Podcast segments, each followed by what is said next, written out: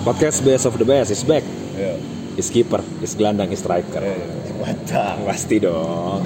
Thank you buat semua. Thank you buat semuanya beser-beser jangan ngomong dulu atuh Pak. Oh iya, Bentar kan gue opening dulu. Oh iya. Thank you buat semuanya udah dengerin gue yang masih mulai lagi dari awal. Udah dong, nggak usah. Ini terus dilanjut aja. Oh, iya. Thank you sekali lagi yang udah dengerin gua. Sampai podcast kali ini gua berterima kasih buat kalian semua yang tetap mendengarkan walaupun ini tidak berguna untuk didengarkan. Tetap bersama gue BSBS dan seperti biasa gue mengajak teman-teman sekitar gua untuk bercerita apa yang ada dalam hidupnya. Bintang tamu. Bintang tamu benar. Dari tadi Guest ngomong star. guest star benar. Kita sambut. This is Gak pakai label. Kok gak pakai label? Indie. Indie. Iya. Disambut Muhammad Andur Salam, Aka Kondoy. Yes. Mantap. Teman kuliah gua nih Kondoy. So, udah lama kita gak ketemu ya? Ya, Udah berapa lama gak ketemu? udah ntar ada Udah lama ya, kira-kira dua tahunan. terakhir kali ya sebelum ganti presiden lah. Ya. Ganti presiden pokoknya. Gua Udah zaman. kalah. ya, kemarin presiden lo kalah pokoknya. Ya.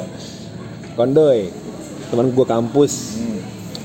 Yang menurut gua di antara teman-teman gue yang lain dia yang paling agamis. Oh, thank you. dia yang paling rohaniawan banget Oh, dan menurut gue dia adalah salah satu orang yang sangat universal di mana apa pun agama lu dia bisa menerima berteman Hmm.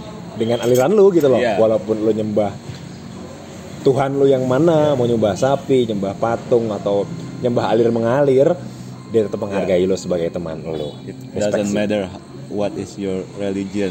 The matter is what your cigarette. Ya. oh dan my cigarette still Ya. gudang garam until Ya. now Gua asbak. Jadi apa aja masuk. bukan anda pernah tersinggung dengan saya gara-gara bahasa itu Iya, saya buat tersinggung dengan beliau. Kondoy Ya. seorang sarjana pariwisata Eh, tapi sekarang dia banting setir Hmm. untuk berusaha di bidang eh, tam tumbuh-tumbuhan ya Oh iya, tapi kalau kerennya landscaping. oh landscaping Landscaping.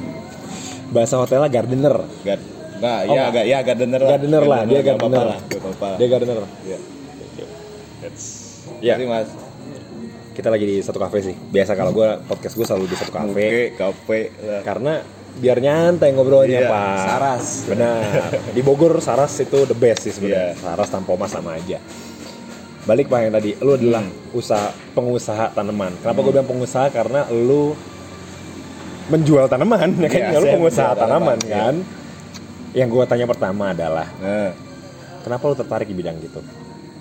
Eh, ada satu quote dulu di DP BBM. Heeh. Eh, isinya tuh sesuatu apa ya?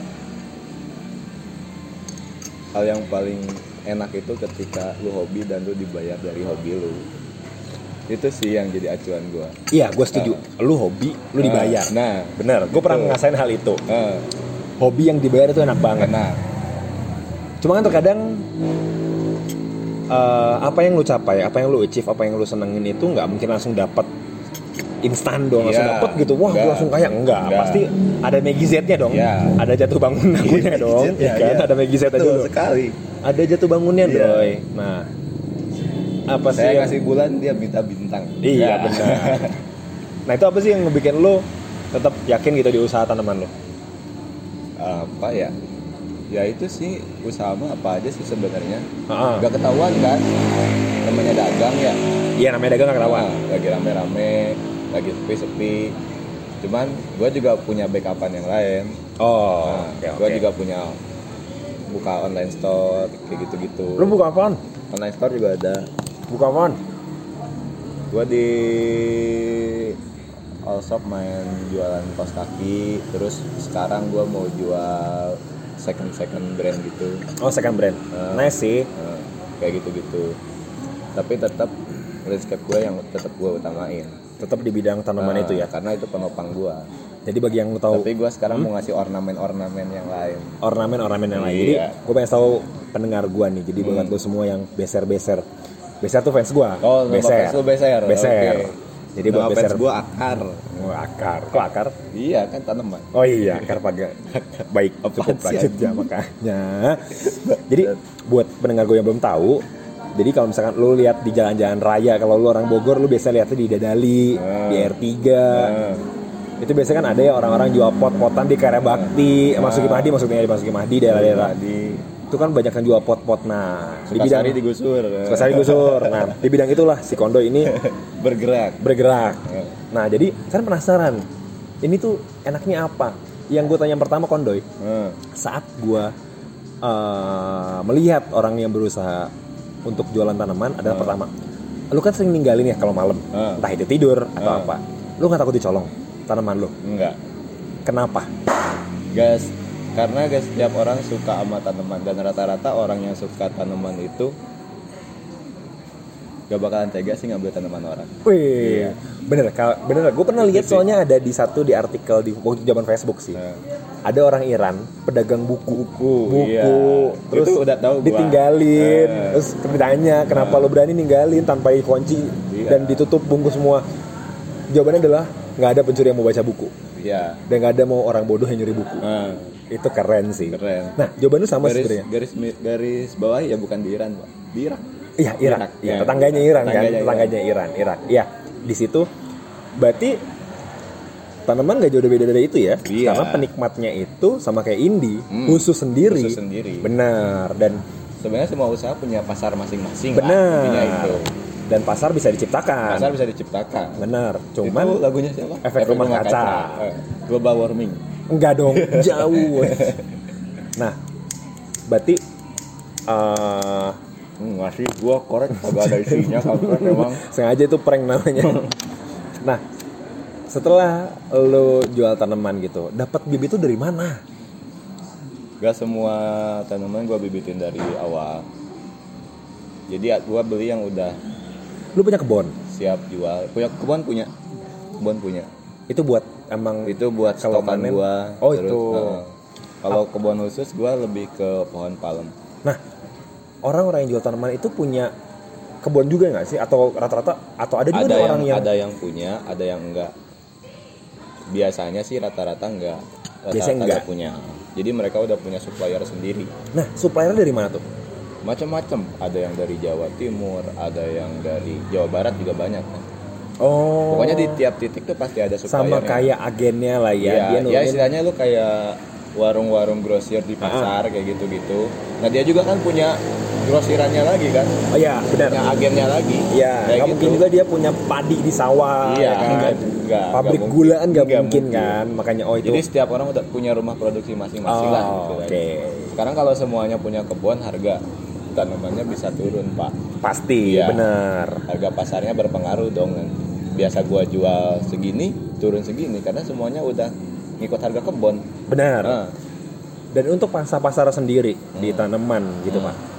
Kan banyak kan yang suka kan orang-orang tua ya. Iya sebenarnya sih? bukan orang tua. Kalau gua harus sombong dikit tentang tanaman. Dua orang tua tapi intisari. Enggak, suka gua. Enggak, oh. Gimana? Kalau kan pasar tuh ada yang middle low, ada yang middle high ya. Hmm, Nah, gue masih ingat tuh dikit-dikit. Tanaman tuh sebenarnya middle high, Pak. middle high. Middle high. Jadi orang-orang ya orang-orang yang udah Punya duitnya lumayan banyak, lumayan mampu. mampu. Itu biasanya main tanaman. Itu yang biasanya main tanaman. Oke, tapi gua matiin sih Tapi menutup kemungkinan orang-orang biasa juga tetap orang yang bukan biasa maksudnya gimana ya, yang sederhana Yang lah, cukup gitu, lah ya. Mereka juga tetap ada yang tetap beli. ada yang main tanaman. Nah, ada. Karena gua ngamatin emang sih kebanyakan setiap gua lewat gitu ke tempat-tempat yang jualan tanaman, itu yang berhenti mobil, sih, Mobil. Pak. Mobil, Ah. ya kan? Gua walaupun mobil gua cuman pickup doang, tapi gua udah tahu lah dalaman-dalaman mobil yang lumayan lumayan. Oh, lah. gitu. Nah, karena gua sering bukain bagasinya, Aduh, iya. nyimpenin pupuk, gua kotorin. Lu nggak pernah gitu buka bagasi nemu mayat atau buka bagasi nemu bagasi lagi terus buka lagi gitu? Nggak pernah buka gitu. bagasi nemu Narnia. Oh Narnia, anjir jauh sekali ya. Nah, tadi balik lagi. Eh, tanaman apa sih yang lu jual? Kan gue nggak tahu nih jenis-jenis tanaman, kan banyak doi. Banyak. Nah, yang Jadi kita kecil-kecil kelompok, biasa kita receh nih. kelompokan aja. Kita kelompokan untuk mudahnya. Nah, kalau misalnya yang dipajang sama depan-depan tuh yang receh Ah, kecil-kecil banget. kecil-kecil. Itu apa biasanya tuh? Itu rata-rata best sellernya sih. Itu best sellernya. Bestsellernya biasanya yang lebih yang sering keluar karena itu buat landscaping di rumah biasanya taman-taman rumah biasanya pakai pohon-pohon yang kecil itu. Oh, biasanya itu apa tuh? ada Tanamannya. banyak ada brokoli kuning, melati sabrina, ada krokot, sutra bombay. Kalau diomongin banyak deh pokoknya. Oh. Jadi istilahnya jadi jenisnya ada banyak. Jadi nah, makanya gua mau kelas-kelas ini ada mulai dari perennial, ornamental, ada shrub, Heeh. banyak. Nah, yang itu tuh maksudnya shrub, semak, tanaman semak. Oh, tanaman semak. Ah, jatuhnya tanaman semak, gitu. Karena gue nggak tahu menau tentang tanaman doi. Ya. Yang gue tahu adalah rumput gajah. Nah, rumput, yang gajah. bagus. Semua orang juga tahu kalau rumput gajah. Iya, gue tahu rumput Nah, gajah. Kalau rumputnya biasa dipakai lapangan bola apa? Itu rumput Manila. Apa? Bentar. Ada ranking. Iya, bukan dong ranking, Eh, bukan itu ranking mereka. itu batak. Iya, bukan. Itu Satria FU. Ya, Bu. Knalpotnya Kawahara. Iya. itu kalau rumput bola apa? Rumput bola itu biasanya pakainya Joyzia. Joyzia. Joyzia zapolita. Joyzia zapolita. Ah, atau untuk gampangnya rumput packing lah kalau rumput orang-orang packing. ini bilangnya itu yang buat lapangan bola. lapangan bola. Yang bikin beda dengan taman rumah, walaupun di rumah pakai rumput bola, cuman yang bikin beda adalah dari maintenance-nya, perawatannya. Oke. Antara di rumah dengan di lapangan bola tentu beda. Gimana perawatannya kalau di rumah? Kalau di rumah orangnya ogah-ogahan. Oke. Males gua ah motongin rumput gitu kan. Heeh. Nah, kalau di lapangan bola kan Harus. di maintain kan tiap hari, makanya kualitasnya beda, padahal sama. Itu yang membedakan Oh, gitu. Heeh. Bedanya dari maintenance sih. Tapi secara rumput sih rumputnya itu sama. Sama. Kalau tumbuh akan jadi ilalang sama. Ilalang juga sama. Oh. Tapi kalau kalau Joja Japolita ini gak tumbuh nyampe ilalang enggak. Dia Oh. tinggi bangetnya paling paling tinggi 7 cm lah. Di senti. Paling tinggi banget itu. Oh, gue baru tahu ini malah. Hmm. Oh gitu. Iya. Tapi kalau yang di rumah-rumah bisa tinggi banget. tergantung rumputnya tapi kalau di rumah-rumah rata-rata pakainya gajah mini jarang yang pakai rumput bola kecuali yang punya rumah Bambang Pamungkas baru Iya bener. Iya. iya Iya. Baru. Bangsat emang dari tadi ini yang gue butuh lucunya. Dari tadi nggak lucu soalnya doi. Maaf. ya nggak apa-apa.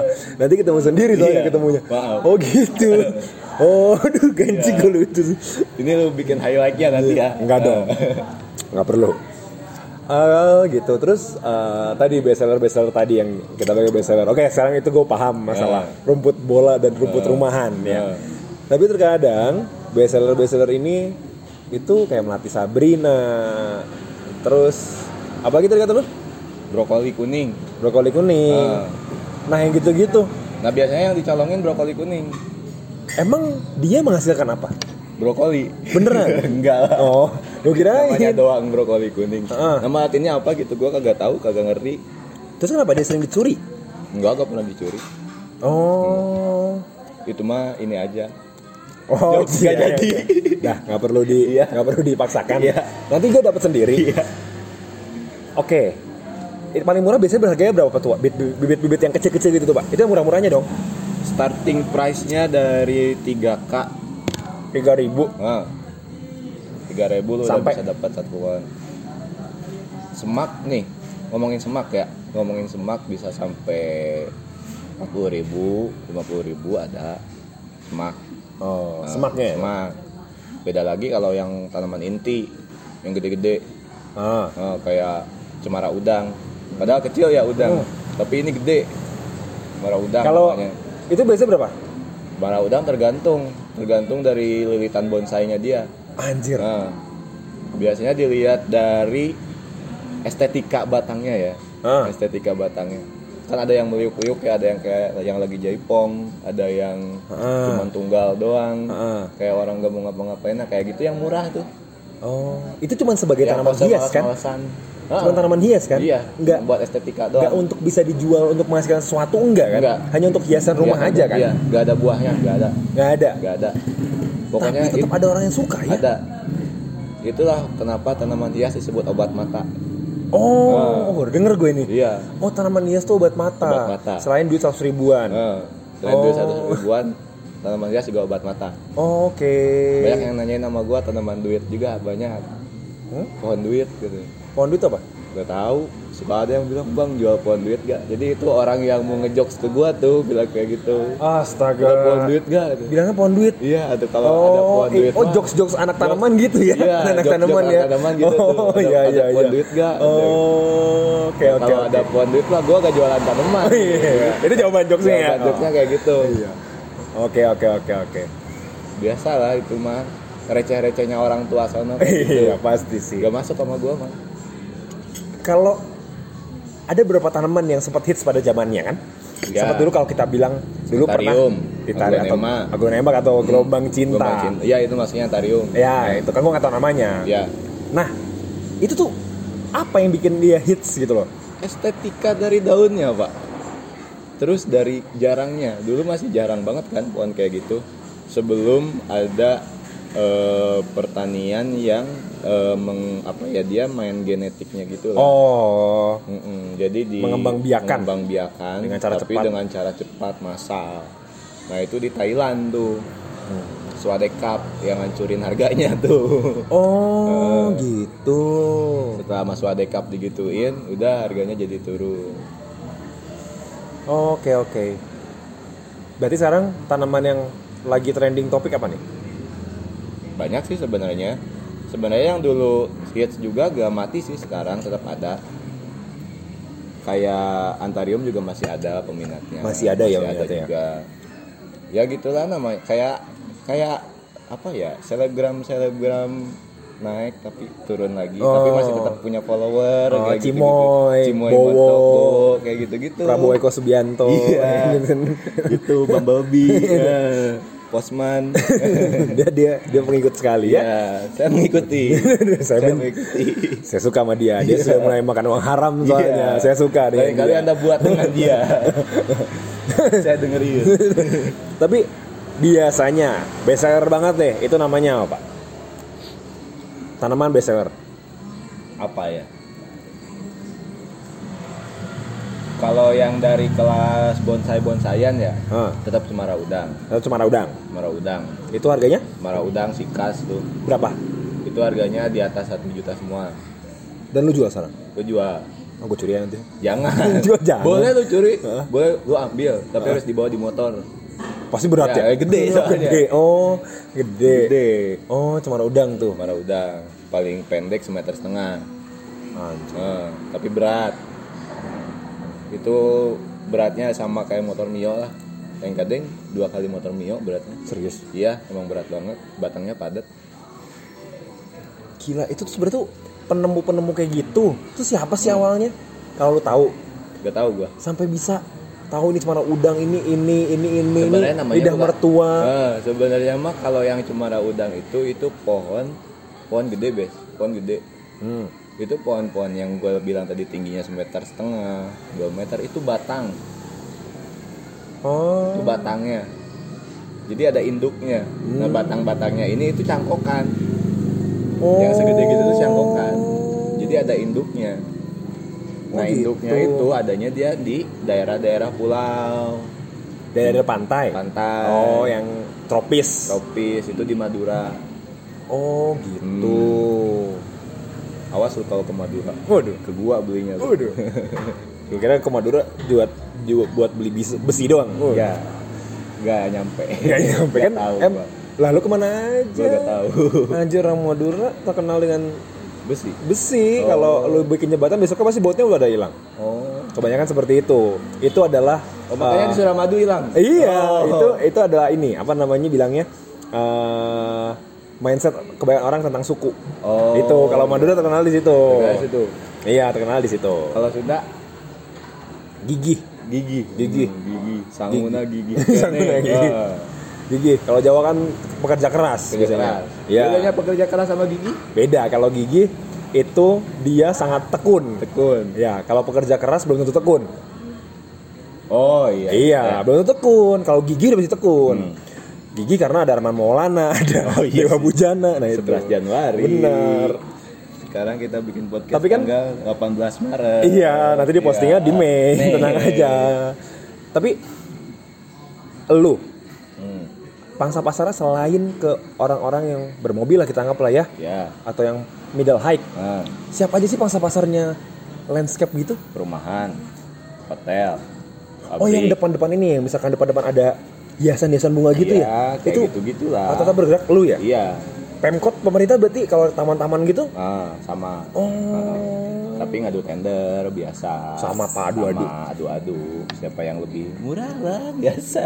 Oh. Baru dia yang dapet kayak gitu-gitu. Lu pernah se- selama ini sama lu uh, bergerak di tanaman, achievement lu, prestasi terbesar lu, lu tuh udah nanam di mana? Kalau yang milestone gua ya, asik, Milestone. Hmm. Eh, kedutaan Pakistan. Itu gue yang garap. Oh. Hmm, terus hotel Ibis sama hotel Novotel Bogor. baru, eh, baru beres tuh. Itu. Itu lu kena berapa, Pak? Ya, cukup lah. Bersihnya, kotornya terserah. Kan kotornya gue udah pernah bilang sama lu. Ya gua nggak tahu. Ya pasti kujang. Iya, gua nggak tahu Nah, kan. Pokoknya segitu pemirsa. Kira-kira kotornya deh. Berapa digit ya? Gue Dua digit deh, berapa digit, berapa digit? pokoknya dua digit lah. Dua digit. Nolnya dua nih. Nolnya dua. Nolnya dua ya. Eh, Bukan angkanya dua ya, tapi nolnya dua ya. nolnya dua. Pokoknya intinya mah apa ya? Ngeratus lah gitu. Untung gede ya. lumayan pak tapi Gila tapi ya gitu namanya tender mau untung-untungan. Jangan lihat dari angkanya. Lihat nanti hasil akhirnya. Iya. untung-untungan. Nah, tapi alhamdulillah sama ini gue untung terus. Oke. belum pernah dapat buntung nih. Karena mau gue contoh yang buntung apa? dulu namanya tanaman kan pohon hidup bes. Heeh. lo tanam. Tiba-tiba pohonnya pada mati. Heeh. Udah. harus lu ganti. Kalau gantinya dua pohon. Coba kalau gantinya semua pohon yang lu tanam mati lu Gue mati bener iya, gitu. makanya. Soalnya Oh. temen-temennya gua pernah kayak gitu. Anjir. dapat proyekan di tol. Di tol mana itu? Seset seset yang baru di itu kemarin bocimi atau mana tuh? Hmm? di situ tuh dia nanam rumput sama pohonan. Kering semua. Dia jual rumah. Dia punya rumah tiga. Jual dua. Buat ganti si buat pohon. ganti Nah itu maintenance gimana? Apakah lu bertanggung jawab dalam bidang nah itu dalam masa maintenance-nya? dia itu mati Biasanya berapa lama sih? Ada Maintenance. jaminan garansi nih nggak akan nggak akan kering nih. biasanya maintenance itu paling lama ya paling lama satu tahun Setahun itu tanggung jawab lu. Iya, tergantung dari besaran proyek. Berarti selama setahun misalkan lu punya proyek kayak tadi lu bilang di hotel Hmm. baru beres. Berarti selama ta- setahun ini lu akan bolak-balik ke sana buat nyiramin segala rupa. Biasanya ada term on- and condition nih dalam setahun itu. Oke. Misalnya setahun nih. Tapi setahun tuh untuk penyiraman dari pihak kita cuma sebulan doang nih. Heeh. Sisanya Dari handover dari ke pihak hotel. Oh, Tapi nah, terus? kita tetap eh, apa namanya tanggung jawab tentang tanaman yang mati atau gimana. Nah dari situ kita harus kong kalingkong sama gardenernya hotel supaya lu siramin tanaman gua nih tiap hari kasih jangkrik Oh. kayak gitu-gitu. Nah biasanya yang kering-kering kayak gini jangkriknya kurang sama Jang- orang yang tukang nyiramin beneran jangkrik. jangkrik inian lah Oh. ngerti lah kayak gitu-gitu Rokok, iya uang rokoknya. uang rokok istilahnya. Oh. nah yang teman gua ini nah gua gak ngerti itu term and conditionnya kayak gimana dia apa dinyiraminnya tok sama dia atau emang dibantu sama pihak situ dalam penyiraman nah gua gak tahu. Apa gue curiga jangan-jangan teman lu ini nyiramin tol tapi si tolnya ini nyuruh ke satu pipa. Dan pipanya itu ada di gerbang tol Ciawi. Jadi itu. tanggung jawab di selangnya. Ah, selangnya kurang panjang. Bisa jadi juga yang dia siramin bukan tanaman jalannya. Dia ngebul itu Biar nggak ngebul. jalannya gak ngebul pohonnya pada mati Oh gitu. Oh berarti nih yang ini banyak yang hal yang gue nggak tahu maksudnya. nah Jadi kan info buat pendengar gue juga jadi oh gini ternyata mungkin ada bisa aja jadi inspirasi pendengar gue jadi pendengar gue mau bergerak di bidang penyiraman Nah, tanaman penyiraman kan. tanaman. jadi ada ada vendor yang akan oh ya udah silakan bekerja pada orang-orang yang sudah nanemin dan gue akan bekerja sebagai penyiraman penyiramannya kan nggak ada yang iya. tahu kan vendor vendor penyiraman kan Bisa. tinggal bisa aja tinggal sedot air dari sungai bisa Iya kan Nah, bisa nggak ada yang bisa. tahu kan tapi Sebut- jangan sungai Jakarta tapi Jakarta lu mau tahu nggak? Jakarta itu nyiramin pakai sungai di Jakarta pak yang itunya yang kotor-kotor bes yang bau-bau yang hitam-hitam dibilangin disedot di situ hmm. gue tuh setiap kalau gue pulang kerja pulang pagi itu apa atau malam gue berangkat itu pasti banyak banget eh, truk-truk air, Tangki, ah. truk tangki itu lagi nyedot air sungai. Hmm. Pasti buat nyiramin Buat dong, nggak mungkin buat dia mandi dong. Iya. Kalau dia mandi tinggal nyebur aja kan. Iya. Mungkin dia buat shower atau hujan buatan juga Bisa mungkin jadi. kali ya. Buat sinetron-sinetron tuh. Oh iya, it- Iya. sinetron bukan pemadam kebakaran. Oh, pemadam kebakaran. Pemadam kebakaran, Oh, tau gua nggak nggak tahu nggak gua. nggak sungai gitu Oh, disiram tahu anjing. Orang kayak tahu. jijik anjing tahu, Ay. tiba-tiba Oh, buat yang konser. Iya, Ah, itu pemadam kebakaran. Pemadam kebakaran. Nah, mungkin ada yang terinspirasi jadi bisa aja jadi penjual tanaman juga kayak lu kan gak ada yang Hmm, tahu. hmm. Jadi lu karena Jangan deh. jadi gestar. Jangan, jangan. Nangin lu. Iya, kompetitor gua ngebanyakin nanti. Tapi kan nggak ada yang bohong. Namanya rezeki mah udah diatur. nah itu gue setuju. Mau banyak, mau dikit, bodo amat. Iya, bener. Kayak kayak gini nih di tempat lu ini yang di R3 BSI Bogor.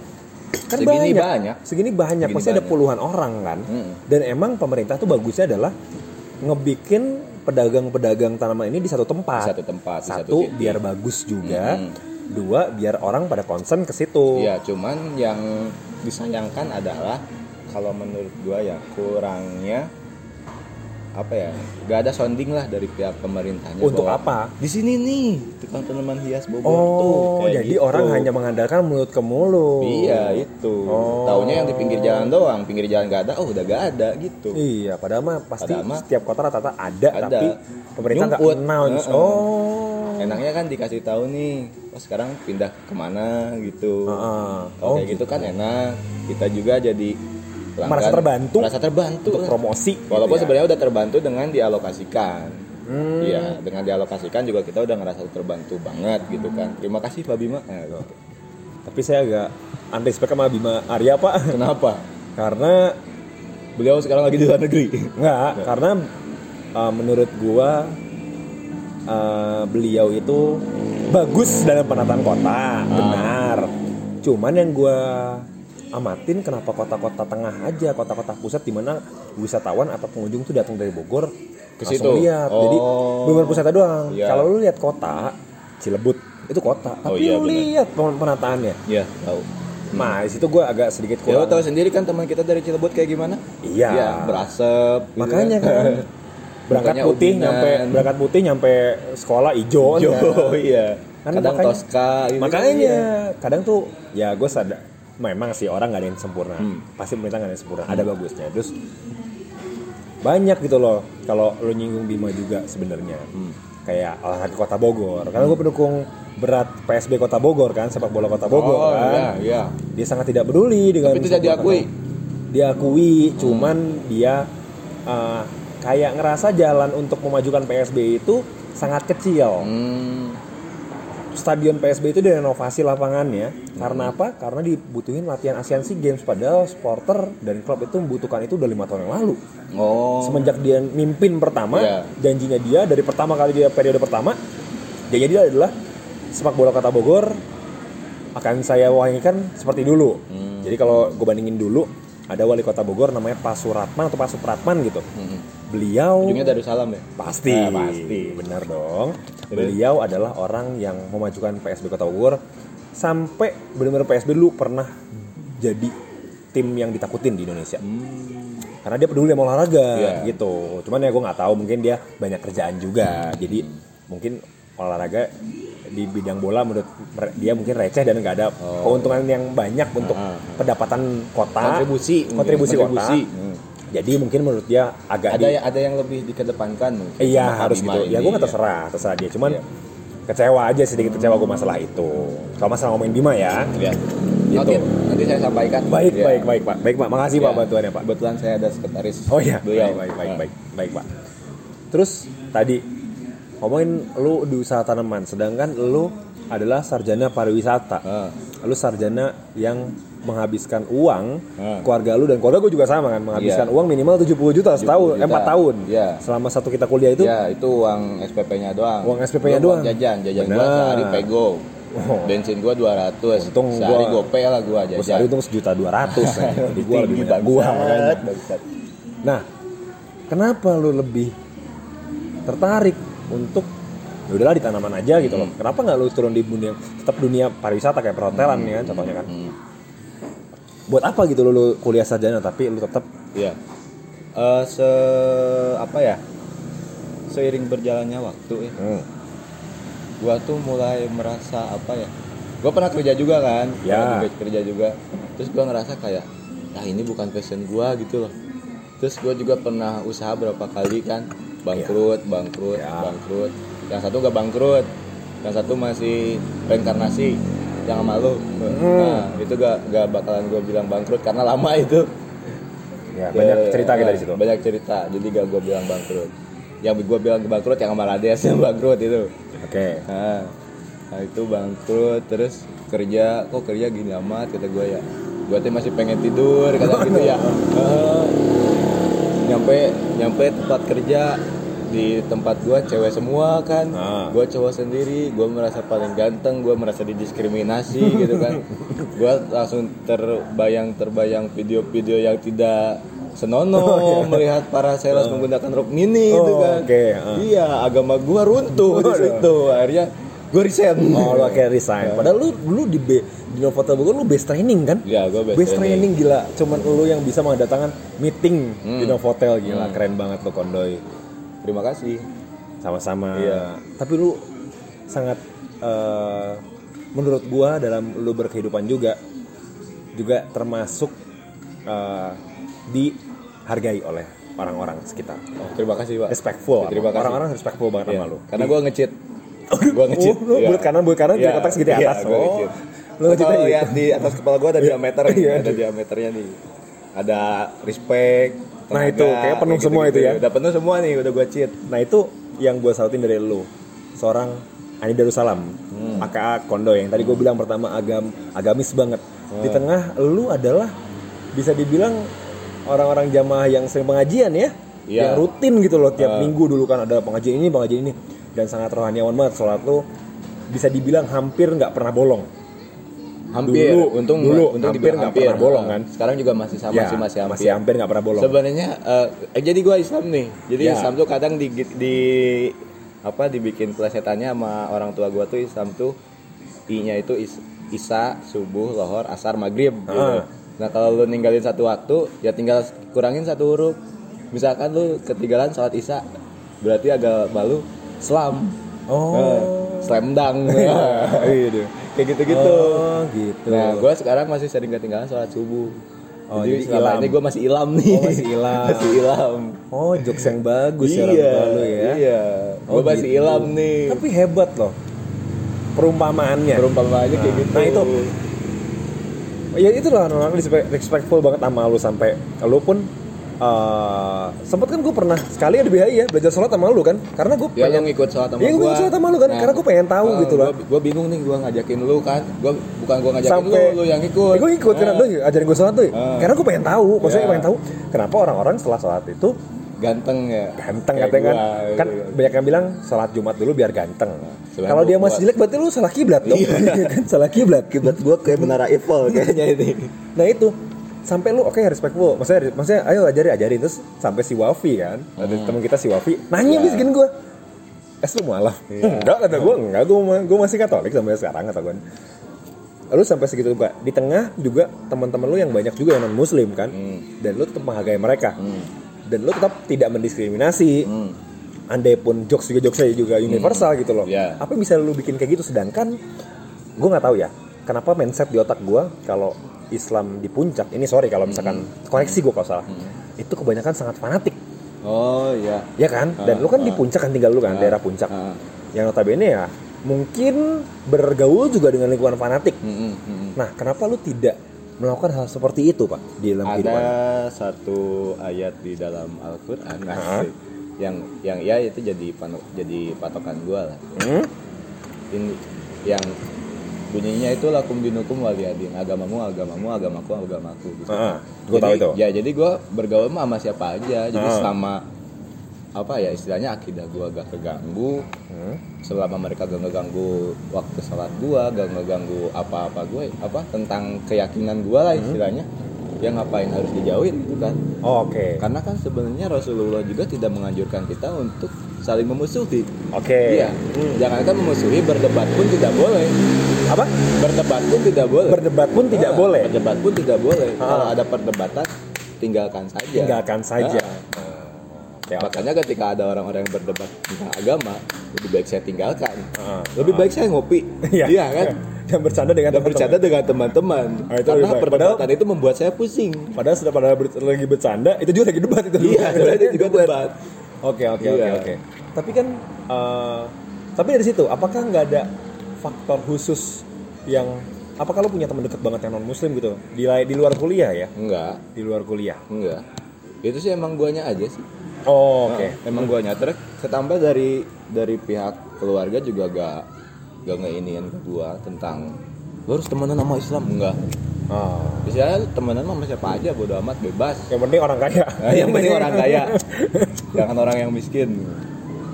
Yang Oh. penting itu katanya yang selama lu tetap ngejalanin kewajiban lu sebagai seorang muslim, ya udah lepasin. Dan Ah. selamat walaupun teman lu non muslim tapi memberikan hal yang positif ya ambil ambil aja. Gitu. Oke. Pun Apalagi banyak kan? Pun teman lu muslim tapi membawa dampak yang negatif, jauhin lah. Hmm. Gitu. Tapi kan ada juga yang bilang mengajarkan jangan temani semuanya, Hmm. jangan milih-milih gitu loh. Iya, jangan pilih. Karena mungkin Tuhan pun nanti di surga neraka pun milih-milih sih kalau masuk surga kan milih-milih sih. Iya. Yang berdosa ya dosa, yang enggak ya enggak. Oh, Ya, hadir. dosa lu katanya. Duh, dosa gua apa Bentar, coba? bentar, bentar, bentar. Coba catat dulu. Coba bentar. Timbangan mana timbangan? Kayak gitu-gitu lah. Oh, oke oke. Itu respectful lu yang yang sampai sekarang padahal bisa dibilang apa ya? Makanya gue kaget. Sedikit kaget saat gue tahu dari puncak dan Hmm. sikut jamaah-jamaah tapi lu orangnya yang gak terlalu fanatik dengan hal yang Hmm. itu gitu loh. Masih terbuka, masih berpikir lebar Iya. dan beda dengan yang terjadi di Indonesia. Oh, Khususnya iya. Pada saat eh, politik ini berlangsung Hmm. politik khususnya paling panas sih politik kemarin ya panas banget Oh, apalagi iya. zaman dari dari pilkada DKI kan ya Mm-mm. itu udah Nah, yang Itu- gue bingungin pilkadanya di DKI tapi ngerembetnya ke mana-mana ya. itulah hebatnya Ibu media kota? media Oh, pak media? media pak karena Oh. karena saat karena dia berfokus pada ibu kota Hmm.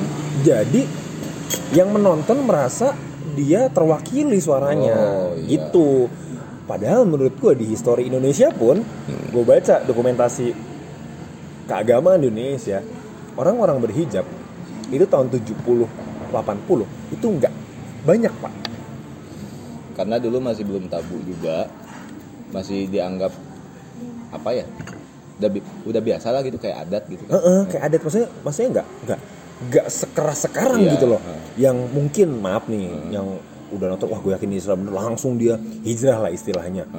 Dan bener sampai kelakuannya pun hijrah Hmm. nah itu yang mungkin beberapa memberikan mungkin menurut gue ya Hmm. kepada lingkungan sekitar berdampak negatif pak Hijrahnya yang mana dulu nih Pak nih? dari segala nih gue gue bukan ini gue membawa contoh satu teman gue ya Ah. teman gue bukan tapi bukan di lingkungan sih ada satu teman gue di Instagram dia hijrah sih dia hijrah terus dia memang sih mungkin maksudnya mendakwah kali ya Heeh. mengasih tahu ilmu-ilmu kalau eh lu kalau gini tuh nggak boleh loh ini dosa Oh. lu ini tuh nggak boleh loh Cuman ini cara dosa. penyampaiannya. cuman gambar di gambar itu ada tulisan-tulisan oh, itu iya, iya, iya, iya. Nah, kenapa sampai segitu kucampurnya gitu loh, maksud gua? Kenapa sampai segitu ngototnya lu dengan ajaran itu, Bentar, bentar, bentar. dengan apa yang diajarkan gitu? Misalkan, Ah. contoh, ya gua nggak tahu ya, oke, ini kan, Am- emang gua gua lihat alurnya ya, gua lihat alurnya Ah. sekarang. Hmm, Sekarang tuh lagi emang lagi ada lagi musimnya apa- apa hijrah, muda hijrah. Itu bagus, gua support banget, bener. Yang cuman yang disayangkannya adalah ketika mereka hijrah nah orang yang orang yang bener-bener tadinya gak tahu tentang agama hijrah nah mereka itu ngajinya dari sosial media dari YouTube, dari YouTube dari kayak gitu Instagram, gurunya mana guru mereka yang aslinya yang gitu kan. bener-bener dia pernah Bener-bener, belajar iya. banget gitu ya. Eh, harusnya kan walaupun ya emang gak, gak semuanya kayak gitu ada juga yang punya guru termasuk gua gua juga kadang suka ada suka posting-posting di sosmed tentang agama kayak gitu-gitu Ah. cuman yang dipertanyakannya adalah ketika orang-orang yang kayak gitu itu lebih ba- bagusnya lagi mereka juga punya guru punya guru sendiri Guru secara fisik, guru secara fisik lah secara istilahnya. manusia. secara manusia Oke, karena ada satu apa gue lupa ini entah itu hadis atau apa pokoknya isinya ketika lu gak punya guru nah berarti guru lu itu setan Oh. Nah. Karena lu beranggapan satu ilmu itu bener Iya. tanpa ada secara Tanpa- fisik atau manusia yang nyontohin atau ngajarin lu Heeh, secara Wak. dia senior. padahal padahal kan harus dilihat dulu walaupun misalkan ada postingan tentang hadis nih Heeh.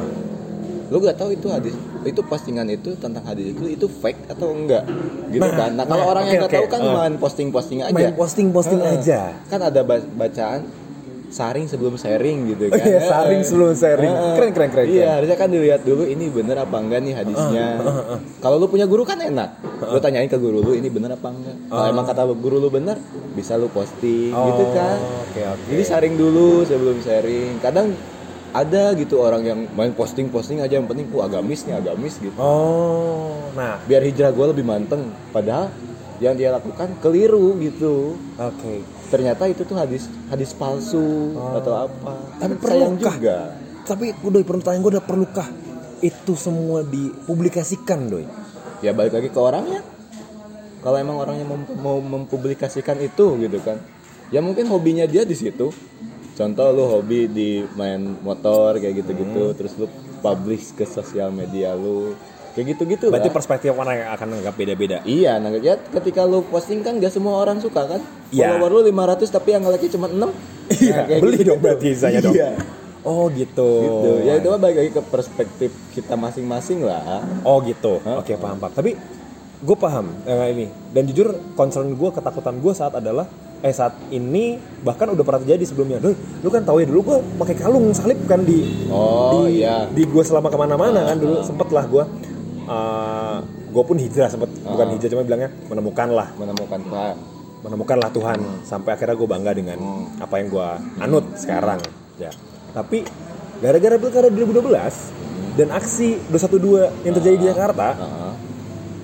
itu membuat gue gue lepas kalung bukan berarti Oh. gue terinspirasi sama mereka enggak cuman gue jadi takut gue sebagai minoritas. iya Oh. jadi dipandang sampai Iya. ada pernah waktu dari gue gini gue di kereta Hmm.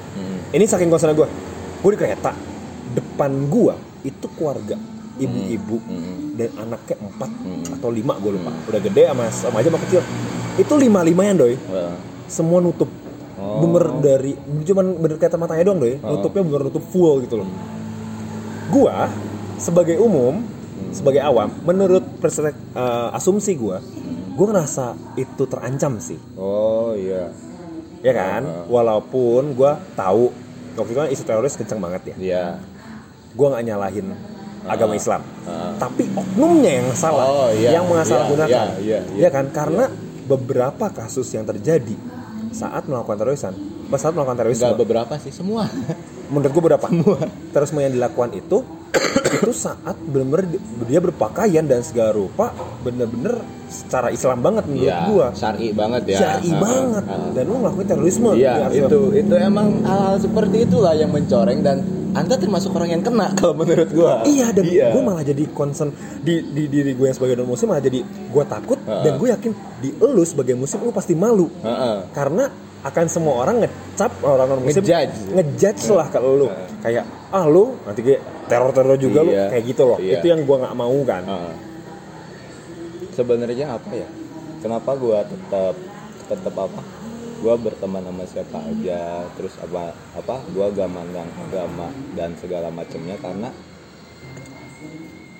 ketika kita beda keyakinan, orang itu lihat agama lu bukan da, bukan lewat baca dari kitab-kitabnya lu, tapi lihat dari kelakuan lu nya. Hmm, itu Gus Dur yang bilang Iya, itu ya sesuai dengan mencerminkan lah. Ah, mencerminkan sih. mencerminkan. terkadang ada orang yang benar baik banget segala rupa tapi pas orang nggak nanya agama ya Enggak. kata Gus Dur tapi kan kaget pada saat nggak kaget tahu. cuman makanya nggak tahu malah nggak terlalu nggak terlalu kan Iya. ditanyakan Iya. dengan hal itu tapi pasti kan bertanya dari mana udah jadi gini sedangkan di agama gua pun misalkan banyak orang jahat di agama gua banyak Iya, banget di iya. gua tapi oh ya bener misalnya dia anjir baik sih ya lu ternyata apa bisa aja dia sinto gue sinto gue Oh, juga matahari oh iya. Gua kalau lagi diskon kan nggak ada yang tahu kan lagi diskon Sinto. Iya. Mie habis Sinto tapi pakai kalung salib. Gue bingung nih. kan udah pindah Oh, udah pindah? emang emang Miyagi gue Kristen Kristen deh Oh, tapi katanya tapi gue baca biografi di Wikipedia nya Sinto. Pak Wikipedia bisa diedit. Sekarang Oh. pindahin Buddha juga Oh, bisa. iya. Wikipedia bisa diedit. Oh. Setahu gue, setahu gue, setahu gue Maria Oza, namanya Maria Ozawa, Iya. udah nama Maria. Udah nikah kan? Udah nikah Udah kan? sama Presiden Vietnam. Filipin. Filipin. Filipin udah udah nikah. Mantan presiden Filipin. Oh mantan presiden Filipin. Udah udah nikah pokoknya. Nah, eh, Ya dukung Indonesia. pasti Iya. dong. Tapi gue biasa-biasa aja sih mau dengan dengan dia ngedukung Indonesia. Iya, gue juga be aja. Tapi ada yang, gak- gak- tapi ada yang gede tapi bukan TK. itu siapa sih? Itu siapa sih? Enggak, itu tuh awalnya tuh sebenarnya ada satu komen Instagram yang awalnya tuh komen Instagram yang Oh. netizen-netizen yang bercandaan. Oh. Ada yang buat bukan tekad, ada yang gede tapi bukan semangat. Oh. Ada yang bundar tapi bukan bola.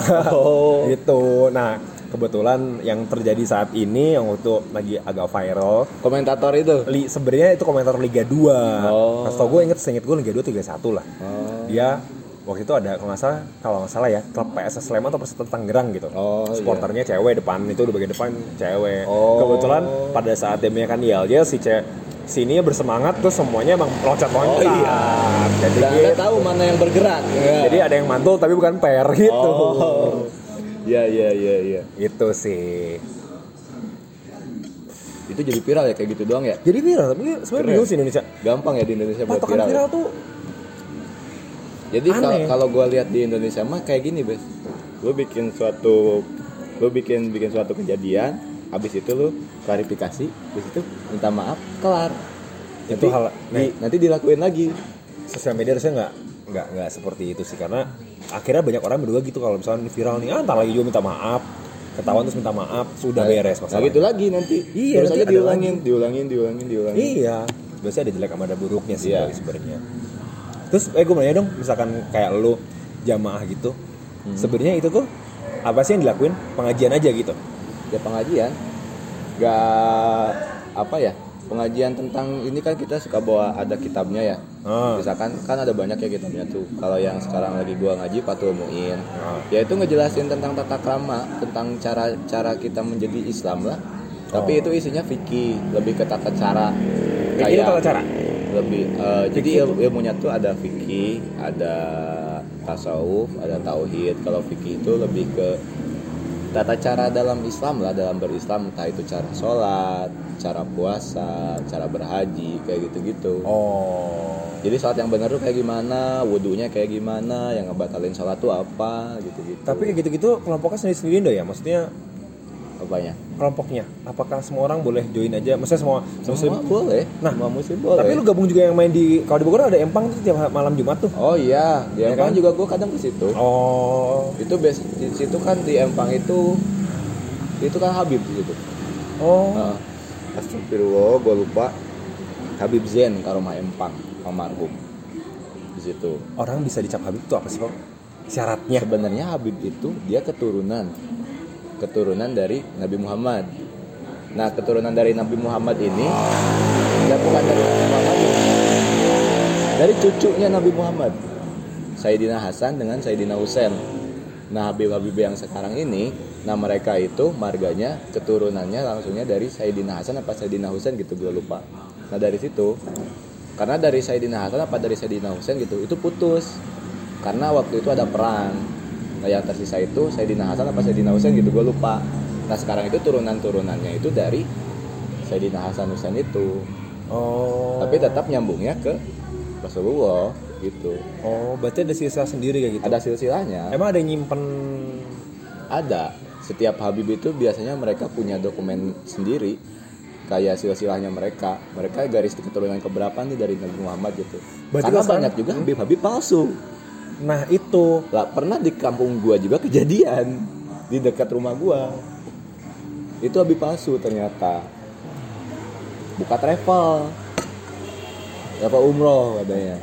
Tarik tarik tarik tarik. Duitnya hilang orangnya hilang. Oh, itu di Soeharto atau gimana itu? Bukan tahu. Waduh. sama ninja dia bilangnya. Ditelusurin ditelusurin dicari ketemu orangnya ditanya. Kan katanya Habib yang ngaku-ngaku Habib. Otomatis Habib-Habib di Cisarua kan pada marah nih ya tercoreng kan? Ini Habib dari mana gitu kan ditanya keturunannya diminta dokumennya gak ada. Ternyata fake. KW Hmm. cuma modal jenggot doang. Sebenarnya Ya. lu kalau udah punya jenggot sebenarnya lu udah bisa jadi Habib bes. Gue di hotel sih. Jadi harus cukur jenggot kalau incas nggak boleh enggak gitu. Berarti kalau sekarang dihitung itu udah berapa turunan doi? Udah berapa udah berapa puluh? Wah, kurang tahu gua. Kurang tahu. Nggak termasuk Mama Tanah Baru ini, Mama Tanah Baru yang Ya, Tanah Selasa Baru. sering keluar. Ya. Nah, di situ kan sering salawatan. Nah, beliau juga masih keturunan dari Nabi Muhammad, kakeknya beliau. Uyut-uyutnya beliau. oh Itu turunan ke berapa gitu. Gue lupa. Kan ada nadomannya juga. oh gitu berarti menyebar luasnya lumayan ba- banyak ya Banyak, Des. Cucu-cucunya Nabi Muhammad itu. oh Cuman ya gitu, kadang ada juga yang malah disalahgunakan gitu. Padahal udah bagus gitu kan. Gue juga pengen jadi Habib sih sebenarnya. Tapi kan gue bukan keturunan Nabi gitu. apa sih khasnya maksudnya apa sih eh, keistimewaannya mereka selain dari keturunan Kalau da- kalau ngambil gampangnya ya, ngambil gampangnya nih. Sebenarnya gue juga kan umatnya Nabi Muhammad ya. Gue Ya. juga tetap dianggap sebagai umatnya Nabi Muhammad. Sama gue bersolawat kepada Nabi Muhammad. Nah, istimewanya adalah eh, kita analogikannya kayak gini aja. Lu punya cucu nih, cucu lu ngambil duit lu, lu marahin tapi tetap lu anggap cucu lu kan. ya Tapi kalau orang lain, lu marahinnya habis-habisan kan. ya Nah, kayak gitulah. berarti nggak ada nggak ada keistimewaan khusus ya untuk sebagai Habib ya secara Secara garis besar ke, eh, keistimewaannya itu Hanya karena mereka punya turunan Nabi darah Muhammad. Nabi Muhammad. itu aja Nah, itu aja. oh Dari sudut pandang gue ya, karena gue tidak terlalu ini tentang ini tentang masalah Habib. Walaupun gua- gue respect sama semua Habib yang ada. Soalnya takutnya masalah ada aja yang kalau misalnya di gua di pastor Hmm. itu banyak kelebihan, maksudnya banyak uh, keuntungan yang didapat gitu loh. Oh iya. Maksudnya secara keuntungan secara hidup lu dibiayain sama gereja, Oh iya. lu ke mana-mana silahkan karena lu udah seorang pastor kan. Hmm. Terus banyak beberapa aturan yang karena lu pastor gitu, jadi orang oke gitu loh. Oh iya. Gitu, jadi maksud gua ke situnya. Oh. Berarti hanya sebesar, eh, hanya segar, sebatas lu gua cucu Nabi Muhammad dan kayak sebuah pride ya. Iya. Oh, Tapi gak tahu juga sih apa. andai Kayak- pun si anak itu, si orang itu Habib itu punya anak, berarti dia Habib juga. Iya. Dia masuk keturunannya juga. Hmm. Kayak gitu-gitu. Pertanyaan gue satu. Hmm. Tapi gue gak tahu sih. Gua Putus keturunannya gitu. Iya. Pertanyaan gue satu. Ah. Rizik Habib bukan? Habib Menurut lu? Menurut gua Habib itu udah jelas dia ada sanadnya. Hmm. Habib Rizik itu. Cuman gitu, ada ajaran keras, ada ajaran yang lemah lembut. Hmm. Nah kalau menurut gua Habib Rizik ini ajarannya Keras. keras. Hmm. Ajarannya beliau keras. Lu pro sama dia? Gua pro sama dia. Nanya doang. Karena karena karena apa? Eh, beliau juga punya pesantren di dekat tempat gua. Hmm. Nah, tapi gua gua pro sama beliau, tapi sama FPI-nya mah gua kurang. Oh kurang. Nah, gue bukan FPI soalnya. Hmm. Gue pro sama Habib Riziknya aja. Oh. Gue seneng aja sama sosoknya. Tapi ya itu gara-gara 212 ini Ah, semakin sedikit panas sih menurut gua. Iya. Di mana postingan-postingan menurut gua postingan-postingan agama semakin banyak ya. Apa sih? It's okay. Karena itu kan menurut gua itu adalah dakwah. Ah. Nanti kalau gua posting dianggapnya Kalau kristenisasi. ah, ah. kalau kalau dari sudut pandang gue ya 212 itu bagusnya mengumpulkan Mem- me- iya, seluruh mengumpulkan umat, seluruh Islam. umat Islam. Itu gua suka. Ya, termasuk gue juga pengen ikut. Hmm. Tapi kan gue gawe. Oh. Teman-teman gue banyak yang ikut. Kalau yang minusnya kalau menurut gue ditunggangi politik. Itu sih. Itu lu yakin itu memang gitu ya? Ah, Sangat yakin ya? Iya. Ada beberapa kan kayak ada Amin Rais. Ngapain gue gak suka sama Amin Rais coba. Kayak gitu-gitu ditunggangin Oh. politiknya gitu. Oh sama gue garis bawahi yang masalah nasi bungkus nasi kotak Ah. itu enggak bes Ya gua nggak tahu, gua nggak tahu. Karena teman gue ikut soalnya pada ikut mungkin nggak dapat kali. bukan gak dapat emang gak dikasih Oh, nggak dikasih. Nggak dikasih Ya. emang gak ada yang ada juga banyak donatur Iya, gua percaya donatur yang menggratiskan Heeh. dagangannya. dan lu tahu nggak ada yang mau ngeracun Oh ya? ada yang ngasih air mineral Hmm. 10 dus apa berapa dus gitu pas diambil air mineralnya semuanya udah pada dibolongin udah pada ditusukin jarum gitu Oh. udah tahu dikasih apa Hmm. Itu mungkin dari oknum-oknum sih menurut Iya. gua. Oknum-oknum. 10 dus Ya, itu gue concern sih kalau gue Itu dari perspektif gua. Iya, perspektif benar. lu nih kayak Pasti beda-beda. Kayak postingan tadi kan. ya jadinya gini menurut gue impact yang terbesar adalah Hmm. itu menjadikan orang-orang yang gak tahu agama menjadi sangat sok tahu Hmm. impact terbesar Mm-mm. ya Mm-mm. makanya gue bilang beberapa ada kok temen gue yang sel- selalu ya selain lo juga ada yang beberapa temen gue yang ketujuh dua tapi dia universal dia terbuka Iya. Ya itu karena niat dia silaturahmi mungkin dapat jodoh gak ada yang tahu kan ya ya mungkin maksudnya dapat jodoh gak ada yang tahu kan Iya. cuman inilah yang terjadi beberapa oknum yang menganggap dia jadi langsung serba tahu gitu loh Oh. lu nggak Nah, gitu, menurut ini- itu tahapannya ilmu, Bes. Menurut Imam Ghazali kayak gini. Iya, gue tahu itu. Gue tahu, gue pernah, gue pernah dengar Imam. Ghazali kayak gini. Ketika orang baru tahu ilmu itu, dia akan sombong. Iya, bener. Kayak gitu-gitu. Itu tahapannya ilmu menurut Imam Ghazali loh itu yang bilang. Iya. Terus ada satu hal kejadian nggak mengenakan di gue selain itu. Tetap di, di, di dalam kereta. Iya. Waktu itu gue naik kereta dari Jakarta ke Bogor. Ah. Terus eh lagi ada per, gue lupa apakah itu empat cat, pokoknya itu salah satu dari cabang yang gue lah, reuni, lah, entah pas 11 atau apa gue lupa. Terus tiba-tiba waktu gue di kereta itu, gue inget banget di stasiun Citayam gue sampai turun dari kereta. Ah. Itu bener-bener udah tau dempet-dempetan gue berdiri juga sama kayak lu karena ramenya kereta kan?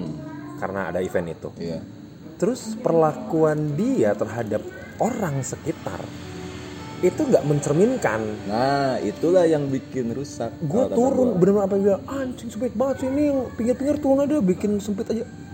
Terus gue ya udah gue biasa aja so, banyak yang turun juga Citayam kan banyak yang turun. Ah. gue turun Citayam dulu turun tuh gue Citayam tuh bener udah lama terus pas turunan tuh dorong-dorongan segala rupa Oh. lu kan lagi memakai atribut ya Iya. menurut gue itu cukup menodai sih Iya, itu itu yang bikin salah sebenarnya. gue kasihan sama orang-orang yang merasa dirinya itu anjir gue tuh lebih hatam dari lu gitu loh Nah, itu. gue tuh lebih jago daripada lu dalam nih, misalkan ada orang kayak gitu satu ya yang Misalkan gue di situ, Iya. gue kayak gitu loh. Gue kayak gitu. misalnya gitu anjir gue tuh lebih tahu daripada lu. anyar lur, gitu. karena kamari Iya, udah kamari anjing. itu kayak anjir kayak ini terus ya mungkin terus kan juga beberapa oknum ya gue nggak tahu sih gue lebih mengamati banyak negatifnya Hmm. Iya. soalnya walaupun Ah. positifnya pun ada Ah, gitu ah. loh Mungkin kebetulan yang lu lihat yang negatifnya, Bes, itu gitu. walaupun masih pasti ada kok gue yakin gitu loh Kan salah satu yang positifnya waktu itu kan yang pas demo 212 itu kan ada yang nikah di gereja. Mm-mm. Itu dikawal, Bes. gue nggak tahu Sama FP-nya dikawal, oh dikasih jalan. tapi belokin ke Enggak, enggak. istiqlal tapi belum sini Mualaf gak lu? Enggak. Gaunnya aja diangkat, Bro. ah.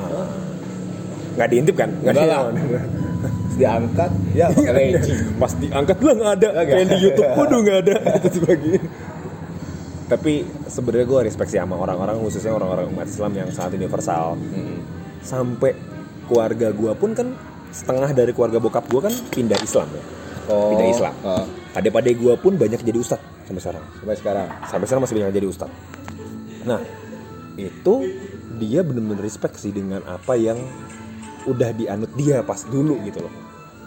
Oh, sebelum masuk Islam. sebelum kan Islam Ah, Katolik ah, ya ah. keluarga bokap gue kan kalau nggak salah seluruhnya Katolik awalnya. Terus tapi tetap aja dalam postingan-postingan dia tadi grup WA keluarga atau gimana menurut gue ini ngermin ini orang nggak fanatik dan gue ngobrol Iya. pun nggak fanatik anak-anaknya Iya. pun nggak fanatik menurut gue itu sebenarnya yang yang mencerminkan itu jati diri seseorang ya kalau buat kalau orang yang udah apa ya istilahnya udah tahu tentang Islam gak mungkin lah dia main ngejudge ke orang lu kafir lu apa segala macem enggak karena kita gak tahu hidayah itu kapan datang gitu Nah, oke.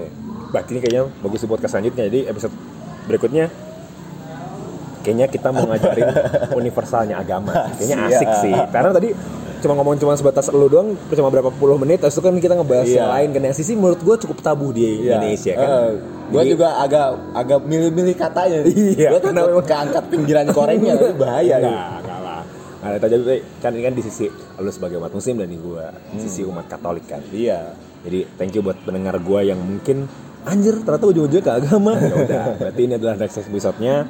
Thank Ustadz you. Andi eh. Dan- gue gua gak mau dipanggil Ustadz Kenapa emang ya? Ustadz belum tentu soleh tapi yang soleh udah bisa dipanggil Ustadz bro Gue kira berarti Soleh Solihun Ustadz berarti ya. bisa jadi Bisa jadi ya. Bisa jadi. Oke, thank you. Gue Ya. BSBS. God bless.